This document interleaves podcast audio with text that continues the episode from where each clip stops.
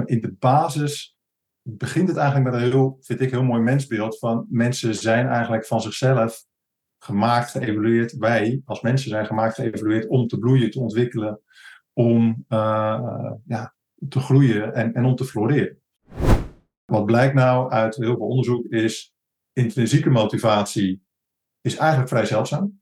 Dat zijn de dingen die je echt doet omdat ze in zichzelf leuk zijn. Dat zijn niet zo heel veel dingen. En ik denk dat het begint met dat autonomie vaak verkeerd wordt begrepen als je mag doen waar je zin in hebt. Je luistert naar Coachen 3.0, de podcast. Deze podcast is voor jou als je snapt dat coachen een vak is en als jij daar elke dag een beetje beter in wilt worden. Mijn naam is Sergio van der Pluim en ik ben auteur van de boekenserie Coachen 3.0 en oprichter van Bureau Bewezen FM. Met veel humor, interactie en een veilig leerklimaat leiden wij mensen op in motiverende gespreksvoering, oplossingsgericht coachen en ACT. Check vooral ook even onze website op www.bewezeneffect.nl. En dan nu snel over naar het onderwerp van vandaag. Ik zit hier met Matthijs Steneveld. Matthijs, welkom in de podcast. Dankjewel, Sergio. Wat leuk uh, om jou eens uh, te bevragen op uh, onder andere de Self-Determination Theory. Dat ja. hebben we afgesproken, dus daar gaan we het sowieso over hebben. Voor mensen die jou nog niet kennen, die paar verdwaalde zielen. je bent organisatiepsycholoog. Je bent heel goed thuis in de Appreciative Inquiry, in de positieve psychologie. En in de, de zelfdeterminatietheorie uiteraard. Je hebt zes boeken geschreven inmiddels. Heb je ze bij de hand ja. toevallig? Ja, ik, ik, heb ze, ik heb ze klaargelegd. Dus het is uh, een heel rijtje zo uh, geworden tegenwoordig. Geweldig. Ja, en die teamkracht met ProSocial, die is net uit, hè? Die is echt net uit, inderdaad. Gefeliciteerd, zeg. Dank je. Ja, en uh, daar heb ik jouw mede-auteur Jenny Blauwbroek over geïnterviewd. Dus dat komt zeker ook aan de orde. Maar dat is weer een andere podcast. Dus vandaag de ZDT of de SDT. Um, ja, wat leuk. Doe ik jou recht met deze introductie of ben ik iets vergeten? Ja, nou ja, goed. Ik heb daarnaast nog uh, twee schatten van kinderen en uh, ik, ik, hou van zingen en gitaar spelen. Maar ik, ik, denk voor de, voor de sake van deze podcast dat het een heel mooie, complete introductie is. Helemaal goed. Ja, maar het is wel goed om te horen dat je ook gepokt en gemazeld wordt door het, het jonge gezinsleven. Want nou, dat, dat, zegt ook wel iets. Dat je dat ja. ja goed doorstaat. Ja. Mooi man. Hey, uh, Oké, okay. uh, zelfdeterminatietheorie. Uh, ja. Vertel het eens voor, voor de leek, voor iemand die er nog nooit van gehoord heeft. Wat is het? Ja. Wat kun je ermee?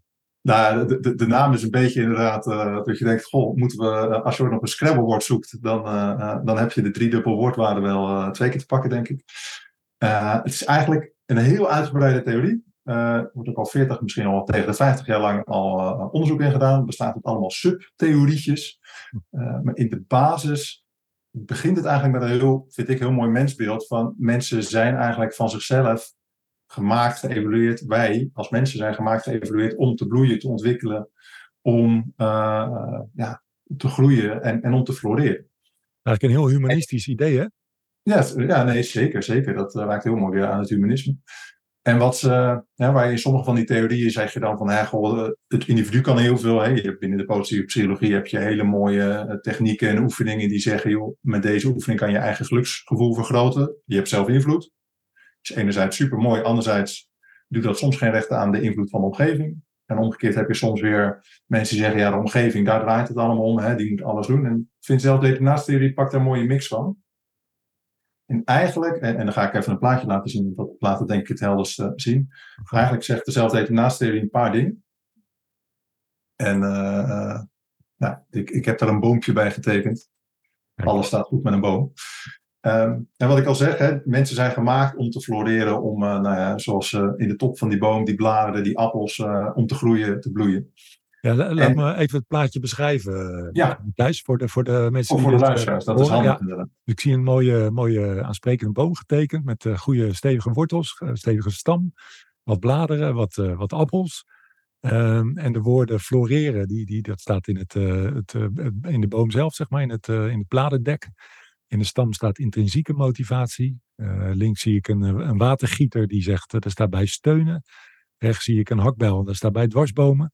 En dan bij de wortels zie ik de woorden autonomie, verbondenheid en competentie. Ja.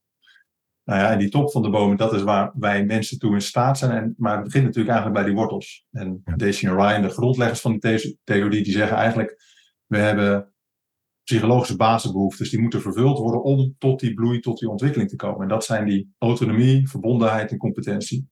Ja. Dus je willen uh, autonomie, nou, daar kan je heel veel over zeggen. Dat gaat onder andere over hè, dat je zelf keuzes mag maken, maar vooral ook dat je niet gestuurd, niet gedwongen wordt door anderen. Dat je niet uh, verplicht wordt om dingen te doen, dat je de dingen kan doen die jij graag doet. En verbondenheid is hè, relaties met andere mensen, maar ook het gevoel dat, je, dat andere mensen je waarderen, dat je gezien wordt door anderen. En competentie is de behoefte om ja, competent te zijn in de dingen die op je pad komen, in wat van je gevraagd wordt. Uh, dus als jij uh, hè, bijvoorbeeld in je werk, dat jij je werk goed kunt uitvoeren, of dat je het gevoel hebt dat je de combinatie van je werk en je gezin, uh, om maar wat te noemen, dat je dat kan handelen.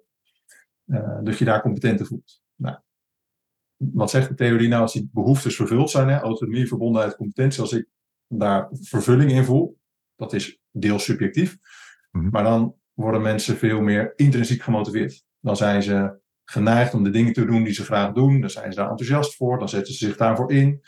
En dat is eigenlijk ook het pad naar dat floreren, naar dat opbloeien, naar dat ontwikkelen. En dan lijkt die boom zelf lijkt nog steeds heel erg om zichzelf te draaien. Hè? Van nou, als ik maar autonomie ervaar of pak, of wat dan ook, of als ik maar relaties aanga, dan komt die motivatie en dan komt die bloei. Maar daar zie je inderdaad dat dat uh, hakbeltje en dat gietertje van de omgeving, die zijn eigenlijk een hele grote belangrijke factor om die bepalen of die wortels wel genoeg autonomie, verbondenheid, competentie krijgen. En omgeving kan steunen. Gietertje, hè, water geven, kan uh, bijvoorbeeld, uh, ik kan jou vragen, goh, wat, waar wil je het over hebben? Of ik kan jou vragen wat je wil eten vanavond, of ik kan jou vragen in welke volgorde jij jouw werkzaamheden uit wil voeren. Maar die omgeving kan ook heel erg dwarsbomen. Die kan ook zeggen, nee maar Sergio, dit moet gewoon, zo moet het. Of uh, nee Sergio, je mag niet met diegene samenwerken, want die moet wat anders doen. Of en noem maar op. En in dat steunen en dwarsbomen zit een hele belangrijke rol van de omgeving. Maar dat betekent dus ook dat er heel veel kansen liggen voor de omgeving. Om iemand anders te helpen om dus die behoeftes te voelen en dus gemotiveerd te raken om aan de slag te gaan.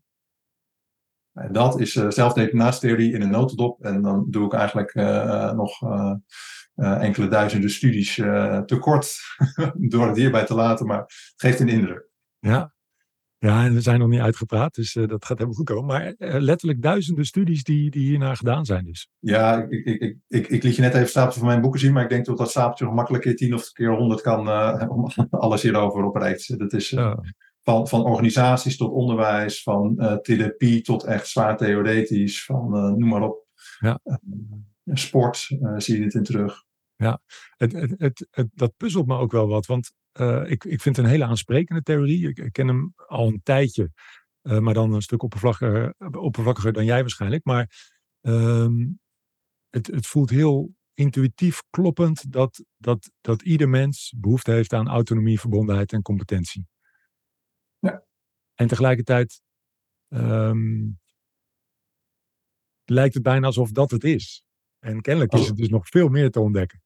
Ja, ja nou, ik, ik denk uh, ja, er is meer te ontdekken. Hè. Dat gaat bijvoorbeeld over die motivatie. Dus ook wel, uh, zullen een aantal mensen ook wel kennen, een soort van continuum van motivatie, van heel erg extrinsiek tot heel intrinsiek. Ja. Maar waar het ook in zit, en die moet je denk ik niet onderschatten, is als je zo'n rijtje ziet, hè, autonomie, verbondenheid, competentie, dan denken we allemaal, oh ja, makes sense, weet je, logisch. Mm. Maar waarom zit daar bijvoorbeeld niet uh, purpose bij, wat ik, of, of een doel? Mm nou, ik, ik, smokkel in een van mijn boeken, uh, smokkel ik dat, dat er lekker tussen. Daar heb ik ook wel redenen voor. Maar -huh. um, er zit heel veel werk in. Uitpluizen van ja, welke behoeftes zijn echt de basis en welke behoeftes zijn meer een aanvulling erop of eigenlijk een gevolg daarvan. Ja. Uh, er is ook een tijdje onderzoek gedaan naar benevolence, hè, goed doen voor een ander. -huh. ja, lijkt soms een, een aparte behoefte. Hè. Hebben we ook de behoefte om goed te doen? Of -huh. valt dat misschien wel onder autonomie en verbondenheid? Geen idee. Of is dat een uitkomst? Ja, geen idee. Ja. dus ik denk dat, dat de valken van zo'n simpele en aantrekkelijke theorie ook al zijn dat je denkt, ja logisch, dat wist ik al. Uh, waarbij je vergeet hoeveel andere dingen er ook hadden kunnen staan die je ook logisch had gevonden. Ja, ja. ja goeie. Um, en mijn idee erbij ook is dat dit zijn eigenlijk zulke basale behoeften dat we er gemakkelijk overheen kijken. Dat we gemakkelijk ja. vergeten hoe, hoe belangrijk ze zijn. Ja, zeker. Nou, en dat vind ik, hè, want jij hebt natuurlijk veel gedaan met en geschreven over ACT. Ik ben ook wel enigszins thuis in ACT. Dan heb je natuurlijk het over die uh, controlemechanismen. Als we, als we gespannen zijn of als, we, als iets niet lukt, dan gaan we meer controleren. Mhm. En dat, dat zie je ook heel erg terug in wat de omgeving verkeerd kan doen. Hè, kan doen om jouw behoeftes te dwarsbomen. Ja. Als jij als manager het gevoel hebt, we halen de, de, de deadlines of the target niet. Dan is jouw neiging niet om meer autonomie te gaan geven. Dan is je neiging om er bovenop te gaan zitten. Ja. Ik herinner me een, lezing van uh, professor Van der Steenkisten, zeg ik dat goed? Een Vlaamse professor op dit gebied. En die deed iets interessants. Die vroeg aan de hele zaal, uh, wie van u zou er wakker liggen als een van deze drie behoeften niet wordt beantwoord? Uh, ik, ik, zeg het vast met een heel fout accent. Maar wat me opviel was, de hele zaal stak de hand op. Hè, dus, dus kennelijk als je daar echt even bij stilstaat, stel je voor, en ik, ik vraag het wel eens aan groepen. Uh, stel je krijgt een nieuwe baan op in een nieuwe stad, om welke reden dan ook. En je bent daar een paar weken eh, bezig. En je ontdekt dat een van deze drie aspecten, daar ontbreekt het aan. Dus of je hebt heel weinig autonomie, of je voelt je niet verbonden, of je voelt je niet competent. Wie, van, wie van jullie zou daarvan wakker liggen? Even geleend van, uh, van de steenkisten. En dan steekt ook de hele groep de hand op. Maar vaak is dat toch goed om even te beseffen hoe belangrijk deze dingen zijn. Ja, nee, en precies dat. Hè. En, en wat ik vaak dan als vervolgstap doe, is ook gewoon eens vragen: joh, wat, wat gebeurt er nou allemaal? Wat doe je allemaal naar anderen toe? Wat doen anderen naar jou toe? Wat doen jullie als team onderling? Ik zit veel in organisaties. Wat nou deze behoeftes juist ondersteunt of versterkt, of juist hmm. ja, uh, fnuikt, in de weg zit. Ja. Uh, en, en dan zie je dat heel veel teams heel snel tot hele lange lijsten komen. Van beide kanten, hè? dus het is niet alleen negatief. Ja. Maar het geeft ook echt heel veel zichtbaarheid, helderheid in waar je tegenaan kan lopen. Prachtig, ja. ja. ja ik kan me daar zeker iets bij voorstellen als ik denk aan uh, al, al, mijn werkervaringen toen ik nog in loondienst uh, werkte, ja. die is bij elkaar optel. Dan kan ik van beide inderdaad ook wel voorbeelden ja. uh, naar boven halen, denk ik. Ja. ja. Hey, ik, is, is Maslow hiermee nou passé of, of is dat te simpel? Ja, maar even één tel. Ik ga even de internetverbinding even versterken. Je, je zei, wat is passé? Is, is, is de piramide van Maslow, is die hiermee nu passé? Of, of, of doen we dat dan zijn nou, Nee, goede vraag. Uh, uh, wat een leuke anekdote altijd over de piramide van Maslow. de piramide komt niet van Maslow. Maslow kwam met de behoeftes en een of andere snelle consultant die dacht, dit kan ik heel goed verkopen door het in de piramide te zetten. Zoals dat gaat vaak. Ja. ja, zoals dat gaat inderdaad ik, ik denk, kijk, als je, als je uh, op onderzoeksvlak kijkt, dat, dan is Maslow uh, is heel mooi werk geweest, maar we zijn echt een stuk verder dan dat. Hm. Uh, en ik denk op psychologisch vlak, denk dat dit echt ver voorbij, hè, qua, qua stevigheid, qua onderbouwing, ver voorbij Maslow gaat. Waarbij Maslow natuurlijk wel nog een wat bredere blik heeft op behoeftes. Hè? Ook, ook dak boven je hoofd, voedselveiligheid. Ja, dat, dat zit hier niet per se in. Mm Hangt er wel weer mee samen. Hè? Ervaar je, hoeveel autonomie ervaar je als je uh, in de financiële problemen zit natuurlijk. Mm um, maar dit, dit, deze theorie gaat echt over psychologische basisbehoeftes. Ja, ja, ja, ja mooi. Ja, ja dus, dus door, door het zo te benoemen wordt meteen helder dat het ook eigenlijk toch een iets andere theorie is dan, dan Maslow. Hè? Ja, ja, ja, ja. ook al gaat het allebei over behoeftes inderdaad, maar het is toch anders. Hoewel je ook wel kunt discussiëren, hè, als je in de lijn van Victor Frankl, hè, de, de, bekende uh, psychiater die uh, in de Tweede Wereldoorlog in een concentratiekamp gevangen zat, die heeft juist zo gekeken naar wanneer ervaren mensen nou nog hè, zin of, of wanneer hebben ze nog enigszins zin in het leven. Hmm. en dan zie je dat eigenlijk heel veel van die fysieke behoeftes best ver opgerekt kunnen worden. Mm dus, dus, en dat vind ik wel mooi aan moderne werk naar eh, de piramide van Maslow. Die, die volgorde zit er niet per se zo in. Hè? Die piramidevorm uh, moeten we niet zo stellen. Mhm. Dat betekent niet dat we niet goed voor de fysieke basisbehoeftes moeten zorgen. Alleen je hoeft niet mensen met tekort uh, af te doen als ja, maar ze hebben alleen maar honger, punt. Weet je, ik denk dat er dan nog steeds heel veel in het leven te vinden is. Ja, een leuke anekdote wat dit betreft hoorde ik laatst bij de schrijver Kluun. Ik volgde een workshop bij hem. En hij vertelde dat hij was gevraagd om uh, te schrijven voor het blad Quiet. En dat is zeg maar het omgekeerde van de quote. Ja. Dus dat gaat over de 500 armste mensen. Ja. Hij had daarvoor een dakloze volgens mij geïnterviewd en hem gevraagd van, goh, wat zouden mensen nou voor jou kunnen doen anders dan geld geven? zei hij gewoon gedag zeggen, even contact maken, mij zien. Ja. Dus dat illustreert eigenlijk heel mooi, hè? Dat, dat ook de top van de piramide van Maslow, die geldt ook aan de bodem. Ja, nou, en dat is, dat is die universele behoefte aan verbondenheid. Hè? Dat gaat niet om een vriendje hebben of een vriendinnetje. Dat gaat om het gevoel hebben dat de mensen om je heen je zien staan. Hè? Zien dat je, hè, vinden dat je ertoe doet. Dat je ook een mens bent. Ja, ja. ja mooi. Hey, uh, je zei net al, er is een heel spectrum hè, als het gaat om motivatie. Ja. Um, in, in, de boomstam stond net intrinsiek, maar ja. er zijn meer smaken. Hè? Ja. Dus zou je daar eens wat over willen vertellen? Ja, nou, het, interessante is, het, is een spectrum, of hè, continuum zeggen ze dan vaak. Uh, je hebt zo'n heel mooi schuin lijntje op de achtergrond. Uh, je kunt het eigenlijk als een soort van uh, schuine helling zien. Mm -hmm. En um, hoe meer die basisbehoeftes vervuld zijn, dat, mm -hmm. dat is de link, zeg maar, een van de linken in ieder geval. Hoe meer die basisbehoeftes vervuld zijn, hoe, hoe hoger je op die helling komt en hoe meer dat gaat naar echt intrinsieke motivatie. Mm -hmm. En heel vaak maken we dan het onderscheid tussen extrinsiek en intrinsiek, maar dat doet eigenlijk een beetje onrecht aan hoe rijk motivatie kan zijn. Hè? Alsof je het soort van of iets leuk vindt zelf, of de baas moet zeggen: doe het, want dan krijg je geld, of anders krijg je straf. Mm. Nou, wat blijkt nou uit heel veel onderzoek is: intrinsieke motivatie is eigenlijk vrij zeldzaam. Dat zijn de dingen die je echt doet omdat ze in zichzelf leuk zijn. Dat zijn niet zo heel veel dingen. Heel veel dingen waar we wel gemotiveerd voor zijn, doen we omdat we ze belangrijk of waardevol vinden, omdat het ons iets brengt. Als je kijkt wat vinden we nou echt in zichzelf leuk, dan gaat het heel snel naar spel of iets met, met dierbaren doen. Daar gaat het ook al snel weer op. Ja. Um, als je naar extrinsiek kijkt, hè, de, de, klassieke extrinsieke motivatie van straffen en belonen, dat, dat is de meest extrinsieke vorm. Maar wij mensen zijn zo knap, wij kunnen ook onszelf straffen en belonen. Hè? Letterlijk met uh, als ik mijn werk af heb, dan mag ik een uh, reep chocola opeten, maar ook hoe we tegen onszelf praten. Nou, uh, kom op, Matthijs, werk eens wat harder, heb je je e-mail nog niet af? Weet je, dat is gewoon mezelf straffen in mijn hoofd. Kan ik. kun jij ook waarschijnlijk. Heel goed. ja, toch? Dan, klonk deze nog, dan klonk deze nog vrij mild en aanmoedigend. Want ja, nee, vanuit nee, de ACT, als ik, ja, praten we vaak over dit soort dingen. En de Ja. interne dialoog van heel veel mensen is, is een stuk strenger en killer dan wat jij net uh, voordoet. Oh, zeker inderdaad. Nee, nee, nee. De, de strenge Matthijs die weet heel goed hoe hij zich netjes moet gedragen als het publiek is. Die, eh, Ja. Nee. Maar goed, dat, dat, dat, zijn, dat zijn eigenlijk de, de, de meest duidelijke vorm van extrinsieke motivatie. Twee, twee varianten, hè? De, de, de baas of de extern, de, de ouder, de leerkracht, wie dan ook, of jezelf.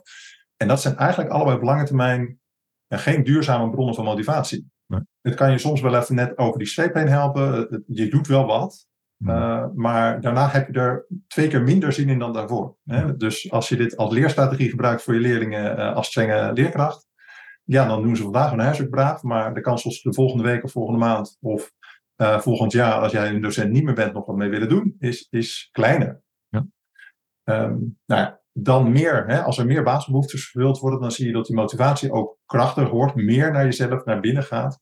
In ACT-termen ga je dan dus meer naar je waarde toe. En, en dan, hè, dat, dat zijn wat verschillende namen voor ge- geïdentificeerde of ge- geïnternaliseerde. Naampjes maken niet zoveel uit, maar waar het om gaat is een soort van, ja, noemen ze ook wel autonome motivatie. Voor, hè, je bent gemotiveerd voor de dingen die belangrijk voor je zijn. Omdat het bij je past, omdat het bij je waarde past, omdat het past bij je zelfbeeld, omdat je dat wil doen of gedaan hebben. Mhm. En ik zeg dan altijd bij mezelf, is dat sporten? Uh, ik vind hardlopen nou, best aardig, maar om nou te zeggen, ik krijg plezier van het hardlopen zelf, niet echt. Uh, maar het is wel een activiteit in het totaalplaatje, is het wel echt lekker. Hè? Ik vind het lekker om buiten te zijn, ik vind het uh, goed om voor mijn lichaam te zorgen, ik vind het fijn om fit te zijn, ik vind het fijn om, nou, hè, om, om, conditie te hebben. Ja. Um, dus dat hoort typisch bij die geïnternaliseerde motivatie.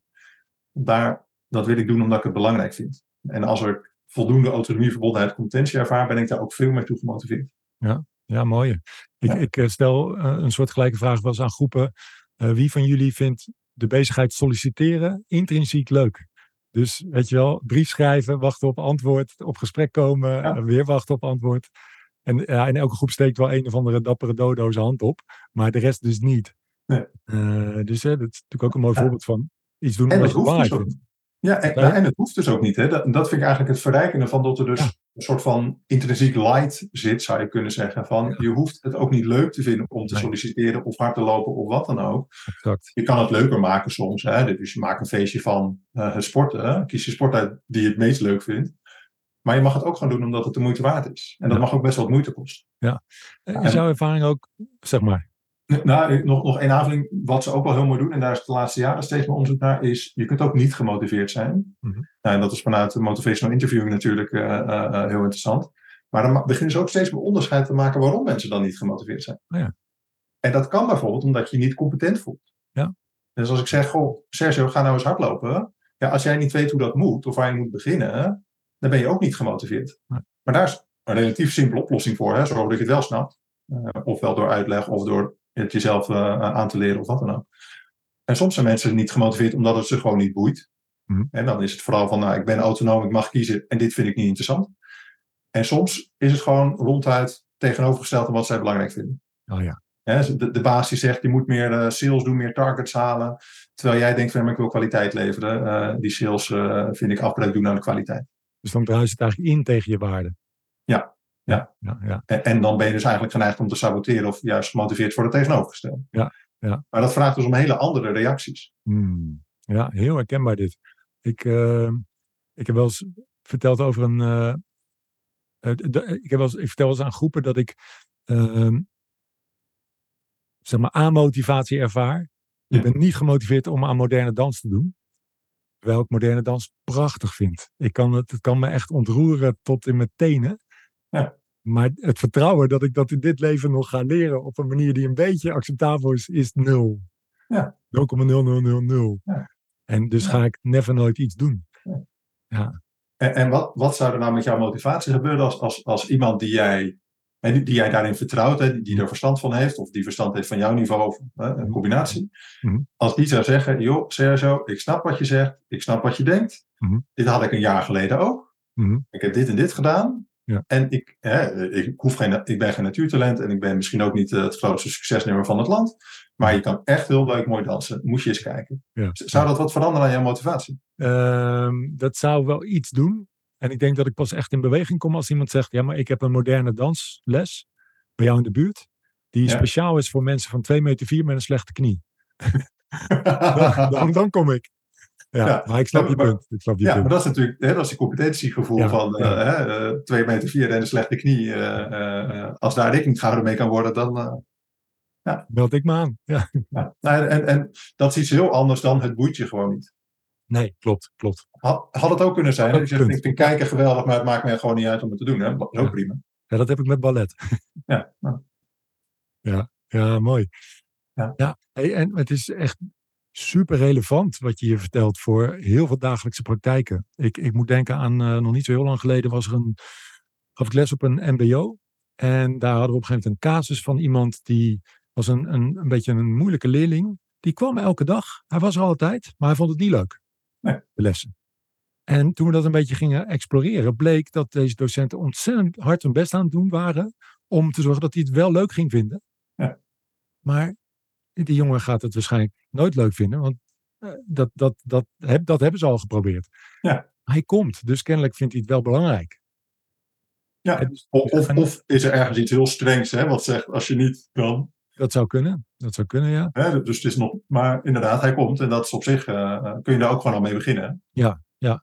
Hey, is ook jouw ervaring of jouw kennis dat, dat die soorten motivatie ook bewegelijk zijn? Dus dat iemand bijvoorbeeld extrinsiek kan beginnen en na een tijdje denkt, oh, het doet me goed, dus het wordt een beetje autonoom. En na een Zeker. tijdje het zelfs leuk gaat vinden. Ja, zeker, zeker. Hè, dat, dat zie je natuurlijk met heel veel dingen. Hè. Eh, eh, eh, nou, hè, stel, we krijgen je toch nog aan die moderne dans. Stel, Ja. hypothetisch. Ja, ja. We gaan nu het voorbeeld, voorbeeld even uitmelken. Hè, misschien dat op een gegeven moment jouw, jouw vrouw zegt van... Ja, maar Sergio, het allerliefste wat ik wil is met jou moderne dans doen. Ehm, en als je dat niet doet, dan ben ik bij je weg. En, eh, eh, dus jij gaat nu gewoon die cursus volgen. Dan kom je misschien op het begin op die cursus eh, nou, of vooruit, ik ga dan maar. Of, of, of, of er moet even goed gesprek gevoerd worden in je relatie. Dat kan ook, maar dat is een ander verhaal. Mhm. Maar stel even, jij gaat mee in dat rijtje van oké, het moet van mevrouw, dus ik ga. Mhm. En jij ontdekt, oh maar wacht eens even, dit kan ik wel een beetje. Ja. Hè, dan kan het zomaar zijn dat je dus meer competent gaat voelen, omdat je de basis in de knie, hè, onder de knieën begint te krijgen. Ja. Ehm, en dat je het leuker gaat vinden. Dat kan. Eh, en en het, het, lastig is, hè, dat kan heel ver, hè, tot, tot het helemaal in zichzelf leuk gaan vinden. Hè, muziek maken. Hoeveel mensen zijn er niet door hun ouders op vioolles of blokfluitles of wat voor les dan ook gezet, eh, die dat niet per se leuk vonden, maar toch later heel blij zijn dat ze die basis hebben geleerd, waardoor ze in een koor of gitaar of piano of wat dan ook eh, met muziek kunnen doen. Verhaal zit ook wel in dat het ook de andere kant op kan werken. Als jij uh, een baan hebt die bij je past, die je leuk vindt, uh, maar vervolgens uh, zit er iemand achter je die gaat heel erg roepen van als je nou nog iets meer of aflevert of nog iets betere resultaten boekt, dan krijg je elke keer een, een hele tastbare fysieke geldelijke beloning. Mm. Extrinsieke motivatie bovenop jouw intrinsieke motivatie. Mm. Dan kan het zomaar zijn dat jouw intrinsieke motivatie afneemt. Mm. En daar is, veel onderzoek naar. Dat, dus soms wordt dat heel zwart-wit neergezet. Hè, van uh, als je beloning gaat geven, dan verdwijnt de intrinsieke motivatie. Nou ja, zo sterk is het ook weer niet. Maar er zijn wel zeker effecten in die zorgen dat als jij mensen maar probeert te betalen om bepaald gedrag te vertonen, dat hun zin uit zichzelf kleiner wordt. En dat zie je vooral in de, in de. De, de, de, de afdeling die bepaalde targets moet halen, nou, sales is maar altijd een makkelijk voorbeeld, maar het geldt natuurlijk net zo goed in, in de zorg. Van, hè, haal minstens zoveel uh, contacturen of zoveel intakes of zoveel dit of zoveel dat. Ja, dan zijn mensen gewoon, op het moment dat alleen maar daarnaar wordt gekeken, hè, dan zijn mensen geneigd om vooral ook daarop te gaan letten en zich daarvoor in te zetten. Ja. En dat is gewoon minder leuk. Hmm. Dan gaan we gewoon intake stellen. Ja, ja. Ja, en, en ik kan me zelfs voorstellen dat als die geldelijke beloning wegvalt, dat er dan van de oorspronkelijke intrinsieke beloning een stuk minder over is. Nou, op zijn minst is die even zoek op dat moment inderdaad. Mhm. Ja, weet je, waar, waar, is hij dan gebleven? Ja, ja. Waar deed het ook weer voor? Ja. Ken jij dat verhaal van eh, Milton Erickson met die jongens die naast zijn kantoor aan het voetballen waren? Uh, ik, dat verhaal klinkt vaag bekend, maar ik ben het even kwijt. Misschien wel leuk om in dit, uh, deze context even te vertellen. Ja, Milton Erickson, een van de beroemdste hypnotherapeuten van de vorige eeuw, hè, hij heeft aan de wortel gestaan van NLP en, en oplossingsgerichte benadering. En die, was, die hield kantoor en, en uh, vlak naast een, een, een, pleintje. En er waren jongens nogal luidruchtig aan het voetballen. Nou ja, als hypnotherapeut wil je dat niet hebben. Maar ja, uh, ja hoe, hoe krijg je die jongens weg? Hè? Want die hebben het daar ontzettend naar hun zin. Nou, wat hij deed was het volgende. Hij uh, liep naar ze toe. Hij zei, jongens, wat zijn jullie hier fantastisch aan het voetballen. Zeg, ik heb even zitten kijken vanuit mijn studeerkamer. Maar het ziet er fantastisch uit. Dus ga daar vooral mee door. Sterker nog, ik, ik betaal jullie een dollar per persoon per dag als jullie hier blijven voetballen. En die jongens zeggen, oh oké, is goed hoor. Nou, kom maar hier met die dollars. En uh, de volgende dag uh, hij weer, ja jongens, sorry, het zit financieel wat tegen. Ik, ik blijf jullie betalen natuurlijk, want het is fantastisch wat jullie doen. Maar ik kan nog maar een halve dollar per, per persoon uh, betalen. en die jongens een beetje naar licht, met chagrijnig, nou ja, vooruit dan maar. En je voelt hem aankomen, dacht hij, sorry jongens, ja, het zit echt tegen, ik kan jullie niet meer betalen. En hij had zijn rust weer terug. Nou ja, dat, hè, dat is natuurlijk een heerlijke anekdote. Maar dat, ja, uh, dat, dat, is zeker wat er kan gebeuren. Ja. En, en de, mijn, mijn, mijn vorige, uh, uh, mijn boek wat heel erg over dezelfde detonatietheorie gaat, is juist geschreven voor leidinggevenden. Omdat dit gebeurt in het werk zo vaak. Hmm. Het is zo vaak in het werk dat we als team onderling, ook als leidinggevende, dat hartstikke goed bedoelen. Maar dat op een gegeven moment er iets gewoon gaat wringen. En dat we dan denken, oh, er moet nu even snel resultaat geboekt worden. Weet je wat, ik gooi er een, een spreekwoordelijke zak geld tegenaan. Ja. En dat kan dus een financiële bonus zijn. Maar dat kan ook gewoon alleen als hij. Uh, we moeten even echt heel goed weten hoe het gaat. Dus we gaan even heel goed tellen. Hè, van die intakes. Of van hoeveel mensen in behandeling we afsluiten. Of van, nou ja, uh, noem maar op. Um, en dan gaan we zo microfocussen, micromanagen. Hmm. Uh, dan, dan raken we vooral het extrinsieke motivatiestuk aan. En dat werkt op de korte termijn wel goed. Maar op de lange termijn vaak niet. Nee, want dan ga je dus ook aan de autonomie knibbelen eigenlijk. Ja, ja. Want dan doe je niet, blijkbaar niet dingen omdat je het leuk vindt, maar omdat, het, ja, omdat je gestuurd wordt, gecontroleerd wordt. Hmm.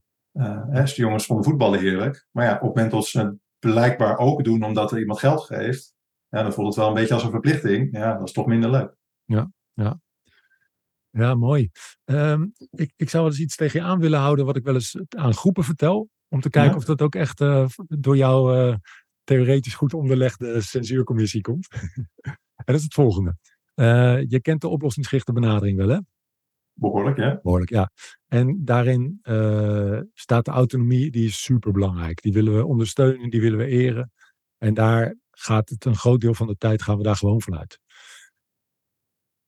Zij het dat, dat er situaties zijn in het onderwijs, of in, als je bij een sociale dienst werkt en met uitkeringsgerechtigden, of in, zelfs in het bedrijfsleven, dat er situaties zijn dat de ander even wat minder autonomie heeft.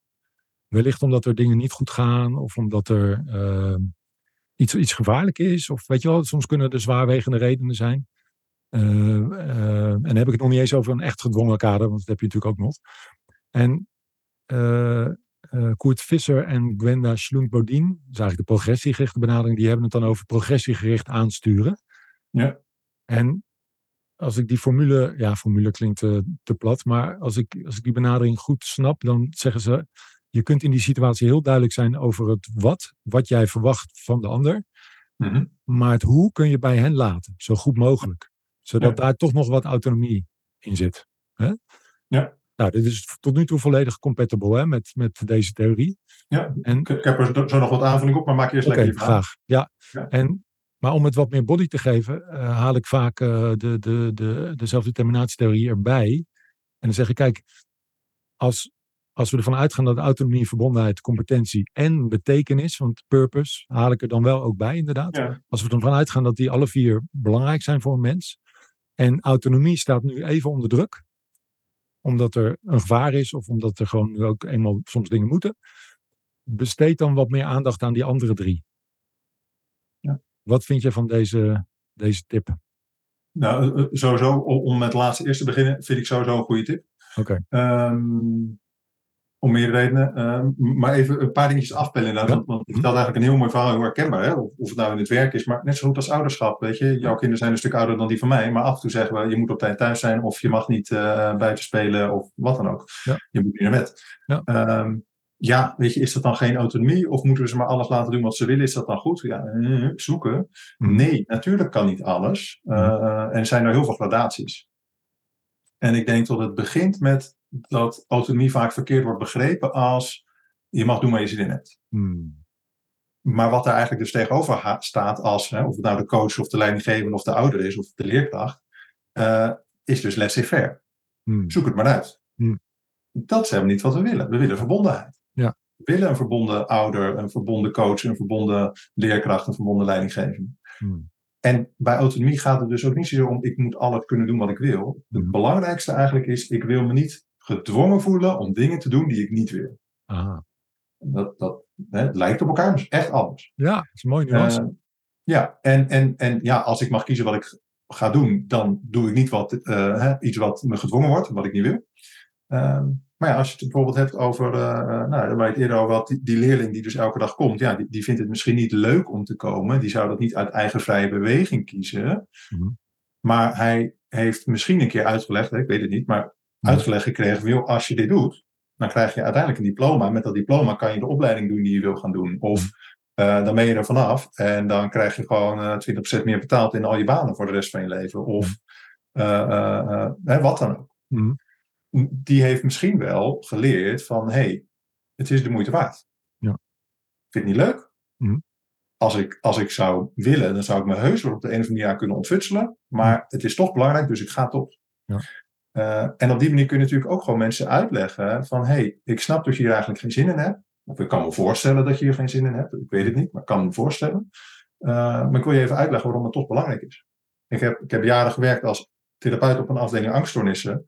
Uh, beste behandeltechniek is exposure.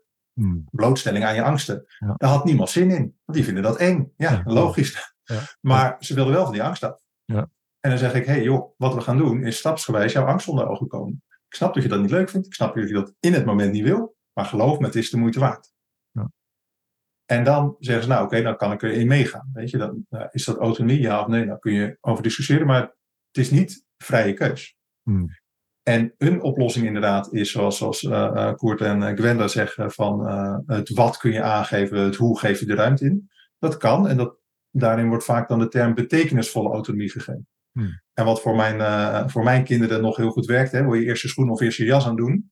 Dat is voor mijn kinderen nog, in ieder geval voor de jongsten, is dat nog betekenisvolle autonomie. Ja. Voor jouw kinderen denk ik niet. Nee.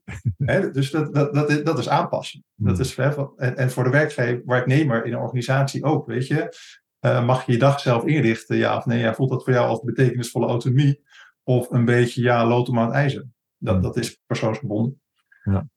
maar goed, daar kom je dus echt, daar, daar is, is veel meer ruimte in dan alleen maar ehm, eh, laat mensen doen waar ze zin in hebben. Ja. En dan nog een, een grappige aanvulling erop, want daar komt die, die, die purpose, hè, die zingeving er weer leuk bij. Mhm. Ehm, een van de manieren om die autonomie wat de ruimte te geven is, als jij dus vindt dat iets belangrijk is, dan snap je dat je dat moet of zou moeten doen, of dat het goed is om te doen. Dus die zingevingscomponent geeft eigenlijk de ruimte om je niet gedwongen te voelen. Hmm. Dat je het ook belangrijk vindt. Dus die, Ja. die passen eigenlijk best goed bij elkaar. Ja, mooi. Ja. Ja, nou kan ik me voorstellen dat, dat bijvoorbeeld in het onderwijs of bij een sociale dienst, of zeker in gedwongen kader, jeugdbescherming, reclassering, noem maar op, dat er ook situaties zullen zijn dat iemand zegt, ja, leuk dat je mij die uitleg geeft, maar ik pak hem niet. Het, het boeit me niet wat jij vertelt. Ik, ik doe het toch anders. Ja. Eh, klopt het dat Ryan en Daisy in hun theorie ook wel bereid zijn om op te schalen qua zwaarte, zeg maar? In zwaarte in de zin van. Ja, dat, dat, kijk, straffen, daar willen we zo lang mogelijk bij wegblijven. Maar Ja. het is ook een realiteit dat er soms consequenties volgen als je een bepaalde keuze maakt. In, in, Ja. in de reclassering, waar ik eh, veel eh, jaren heb doorgebracht, ja, daar zijn situaties denkbaar waarbij als je niet in behandeling gaat, ga je terug in detentie. Ja. Ehm, dat, ik neem aan dat zij dat ook als een reële optie beschouwen. Eh, eh, nou, ik heb niet eh, hun uitspraak letterlijk hier op mijn netvlies op dat vlak, maar, maar ja, gewoon consequenties bij gedrag. Ja. En wat je dan krijgt, hè, vanuit autonomie bekeken, dat is gewoon een pakketje van de keuze die je maakt. Ja. Ja. Eh, eh, en, en, dat klinkt heel makkelijk, theoretisch. In de praktijk is dat natuurlijk veel lastiger en, en zit er een heel groot spanningsveld. En dat, dat hè, in de reclassering of in het onderwijs, maar net zo goed thuis met kinderen. Hmm. Eh, ja, als je, als je nu niet ook zelf even je spullen opruimt, dan ja, wel- welke consequentie bind je eraan vast of niet? Hè? Dat, dat, ik ben helemaal niet van het straffend ouderschap, maar ik ben ook niet van het onbegrensd alles mag waar je zin in hebt ouderschap. Weet je? Dat, dat, ja, dat is echt zoeken. Ja. En de grap is in, dat, in heel veel alledaagse situaties, denk ik, hè, in de reclassering, die sector, die, die, die- ik ken dat gewoon niet goed genoeg. Ik weet niet hoe dat daar werkt, maar heel vaak kom je met verbinding echt heel ver. Hmm. Eh, en kom je gewoon even met even goed contact maken, elkaar begrijpen en uitleggen van, joh, waarom is dit belangrijk? Hmm. Dan kom je echt een eind.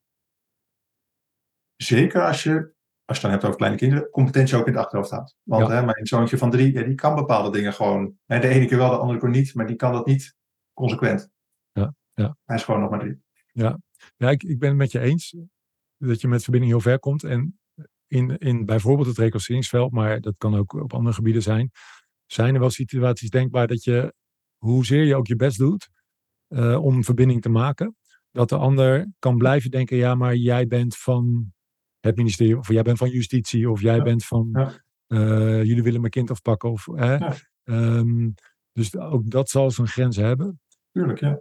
Eh, Nou, en wat je ziet, maar dat, dat is wat te ver voor nu denk ik hoor, maar wat bijvoorbeeld, eh, wat, in diezelfde definatietheorie vind ik heel mooi zit, is enerzijds ehm, die basisbehoeftes kunnen op elk moment opnieuw weer soort van vervuld worden. hmm, Ehm, en anderzijds, als jij bijvoorbeeld een slechte jeugd hebt gehad, eh, waar het heel erg schortte aan die basisbehoeftes, dan, dan drukt dat wel een stempel op hoe makkelijk je die weer aanneemt, of hoe snel je daar weer in gesteund voelt, of hoeveel je daarvan nodig hebt.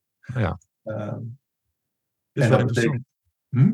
Ja, dat is wel interessant. Ik moest even iets Ja. wegklikken. Maar eh, Ja. dit doet me denken aan het fenomeen backdraft bij compassie. Eh, ken je dat? Ja. Nee, als je, eh, er bestaat ook zoiets als eh, compassion focus therapy. Hè? Ja. En ook in ACT is compassie een belangrijke component. Maar het schijnt dat als mensen eh, in hun jeugd heel weinig ja, liefde of compassie of eh, empathie hebben ontvangen van, van hun ouders. Ja. En je gaat daar als hulpverlener eh, vol eh, op inzetten als het ware. Dan, dan, je moet, je moet dan eventjes de kamer, laat ik eerst vertellen, dit is een term van de brandweer. Als Mhm. er ergens in een pand brand is, Oh ja. er is een bepaalde afdeling waar het vuur woekert en de zuurstof raakt langzaam op in die afdeling. En er komt een brandweerman die doet de deur open, er komt zuurstof bij, dan kan het bijna exploderen als het ware. En, en dit is dan een metafoor voor het hart van de cliënt als een soort kamer, waar als het ware ook zuurstoftekort is. En waar jij dan als hulpverlener met al je compassie, eh, iets te veel misschien, eh, de deur van, dat van dat hart open doet. En, en dat kan zelfs fysieke reacties geven als het Ja. ware. Omdat het zo onbekend is en, en, en bedreigend bijna. Ja. Vraag me opeens of zou dat hiermee ook kunnen? Eh, nou, ik, ik, ik kan me daar wel wat bij voorstellen. Nou ja, kan, ja, wat ik wel interessant vind, want dat, ik weet even niet zeker of daar nou iets meer over bekend is, maar wat wel bekend is, is dat mensen die dus in het verleden tekorten hebben gehad, zeg maar, daar, dat merk je dus ook in, in allerlei facetten van het leven. Mm. Um, en dat tegelijkertijd het altijd opnieuw weer mogelijk is om in een steunende, hè, een basisbehoefte, basisbehoefte ondersteunende relatie te komen. Ja. Dus er is altijd weer een mogelijkheid om in een nieuwe relatie wel die steun te gaan ervaren. Mm. Maar ik kan me voorstellen dat dat, ja, uh, hoe, hoe, hoe, voller de rugzak, hoe lastiger dat is. Ik vind het een mooie, uh, ik kan me de metafoor kan me wel voorstellen inderdaad tot dat, ja, hoe dat precies zich uit weet ik niet, maar, maar dat het in ieder geval wat zegt over de, de moeilijkheid Mm. om die stap te maken soms. Mm. Om, Ja. om die verbinding weer aan te gaan. Ja, en de boodschap bij backdraft en, en compassietraining is ook niet stop met de compassie, Uh, maar is take it easy, take it slow. Ja, En dat kan Ja. hier natuurlijk ook mee. ja, ja. En Nee, want- dat is wel, want we hadden het van tevoren wel even uh, uh, over van joh, uh, zelfdeterminatietheorie, in hoeverre matcht dat nou met, met oplossingsgericht of, of MI of met ACT. Hoe meer ik in die zelfdeterminatietheorie duik, hoe meer ik ook het idee heb, en, en dat dan weer vergelijk met nou, ja, die drie of met Appreciative Inquiry, waar ik veel mee werk, hoe meer ik het idee krijg dat zelfdeterminatietheorie eigenlijk een heel fijn fundament is, waardoor we beter kunnen begrijpen wat werkt, hè, bijvoorbeeld in contact. Ja. Um, en soms ook wat scherper kunnen zijn dan van, hey, werkt dit nou? Want, want hè, doet dit nou de goede dingen met die basisbehoeftes? Zodat het af en toe een soort van ja, thermometer of spiegel is. Ja, mooi. Zo, zo, ja, leuk dat je die methodes noemt, want dat was ook wel een gedachte die ik had. Dat, dat, dat, dat de, de SDT ons helpt om, om motivatie te begrijpen. Ja. Maar dat die, die verschillende methoden die daar compatible mee zijn, of behoorlijk compatible, dat, dat die het handen en voeten geven als het ware. Ik, ik denk dat, dat inderdaad dat heel erg elkaar versterkt en verrijkt. Hè? In de basis is dit inderdaad een begrijptheorie. Uh, hoe zit het in elkaar? Maar Ja. hoe je bijvoorbeeld precies steun geeft aan autonomie, ja, dat kan nog op honderden manieren natuurlijk. Ja, dat zal. En, en, een ACT doet dat denk ik bijvoorbeeld heel mooi. Van jij bepaalt uh, hoe het met jouw uh, uh, hulpeloosheid zit en waar jij in vastloopt en wat voor jou waardevol is en waar jij je energie in wil stoppen. Ja, helemaal eens. Ehm, ja, en, en toch moet ik zeggen dat ik, eh, als ik alleen de SDT zou hebben en niks zou weten van die, van die methode, dat ik het dan lastig zou vinden om het taal te geven. Ja. Ja. En, maar- maar door, juist wel doordat ik motiverende gespreksvoering in mijn rugzak heb, eh, ja, kan ik, kan ik tig vragen bedenken Ja. eh, om, om, om dit taal te geven, als het ware. Ja. Ja. Maar dus, oké, dus dat klopt wel. Of heeft de SDT ook taal van zichzelf? Horen er ook bepaalde type vragen of, of manieren van spreken bij?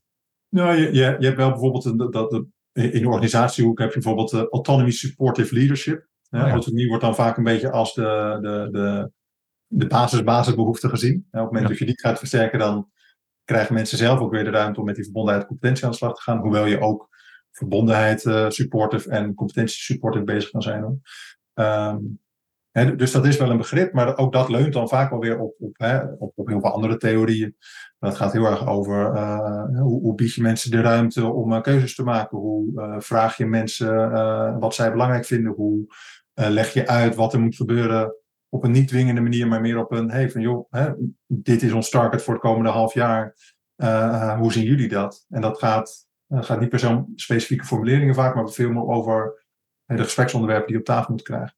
Ja. En in competentie supporten vind ik bijvoorbeeld heel mooi zit, uh, pas sterke kanten bijvoorbeeld weer heel goed bij. Hmm. Dat je echt iemand gaat bevragen op en, en, en complimenteren op wat je iemand goed ziet doen.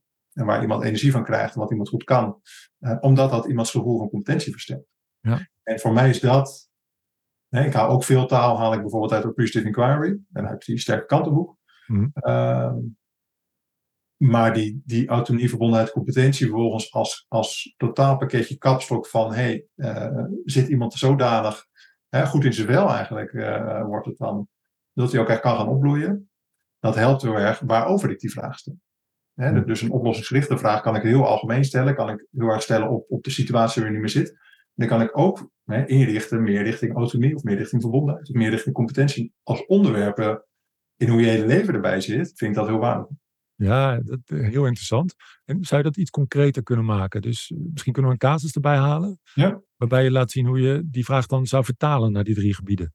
Ja, heb jij. Uh... Uh, moet ik even denken. Ja, ik coach nu iemand Uh, die, uh, ik wil even niet te veel details kwijt, maar laten we zeggen, zij ziet patiënten en ze heeft uh, beginnende burn-out klachten. Ja. Haar werk kost heel veel energie op het moment, maar ze heeft privé ook het nodig op de bordje. Ja. Waardoor uh, ze merkt dat, dat de frustratie een beetje oploopt. Ja. Um, en ze krijgt ook werk toegeschoven van wat eigenlijk haar meerdere zou moeten opknappen, maar dat komt op Ja. haar bordje. Dus er zit Ja. ook wel wat, wat boosheid, onrecht. Ja. Nou, dit, dit klinkt op zich als eh 10% van de mensen die werken in de zorg eh, herkennen dit, vrees ik. Eh, eh, ik lach erop, maar eigenlijk als een boer met kiespijn, want ik, ik, werk veel aan zulke soort organisaties, ik zie dat veel. Ehm, hè, als je dan kijkt naar, naar de, de, de, de, zo'n zo'n typisch de oplossingsgerichte basisvragen, waar hoop je op? Ehm, ik kan me heel goed voorstellen dat zo iemand in eerste instantie zal zeggen, nou hè, rust, of tot het even klaar is, of tot ze het allemaal even lekker mee terugnemen. Of tot, eh, hè. En dat is natuurlijk een beetje een negatieve hoop. En wat ik, hè, dat, dat oplossgericht kan dat benaderen, maar ik vind dat ook vanuit autonomie van, hé, maar waar hoop jij nou? Wat is voor jou nou de wens? Of wat is voor jou nou belangrijk? Dat je echt even op de autonomie gaat zitten. Niet van, nou, ik hoop dat werk goed geregeld gaat zijn. Ja, ja, ja. Nee, ja, ho, dat is voor die ander fijn, maar waar Ja. hoop jij nou op? Ja. Dat je dan wat meer de ruimte gaat zoeken, bijvoorbeeld. Dat, dat vind ik, zo kan je bijvoorbeeld insteken. Ehm, ik kan me zo voorstellen dat er een aantal relaties eh, eh, in, in, het gesprek naar voren gaan komen. Hè? eh, met leidinggevenden, met gezin misschien, of met collega's, of een combinatie. Ehm, ik zou dan dus ook heel benieuwd zijn naar van, hey, in hoeverre voel je je verbonden? Heb je het gevoel dat er mensen zijn die voor je klaarstaan, hè, die je steunen? Ja. En heb je het idee dat er mensen zijn die jou zien en waarderen? Hmm.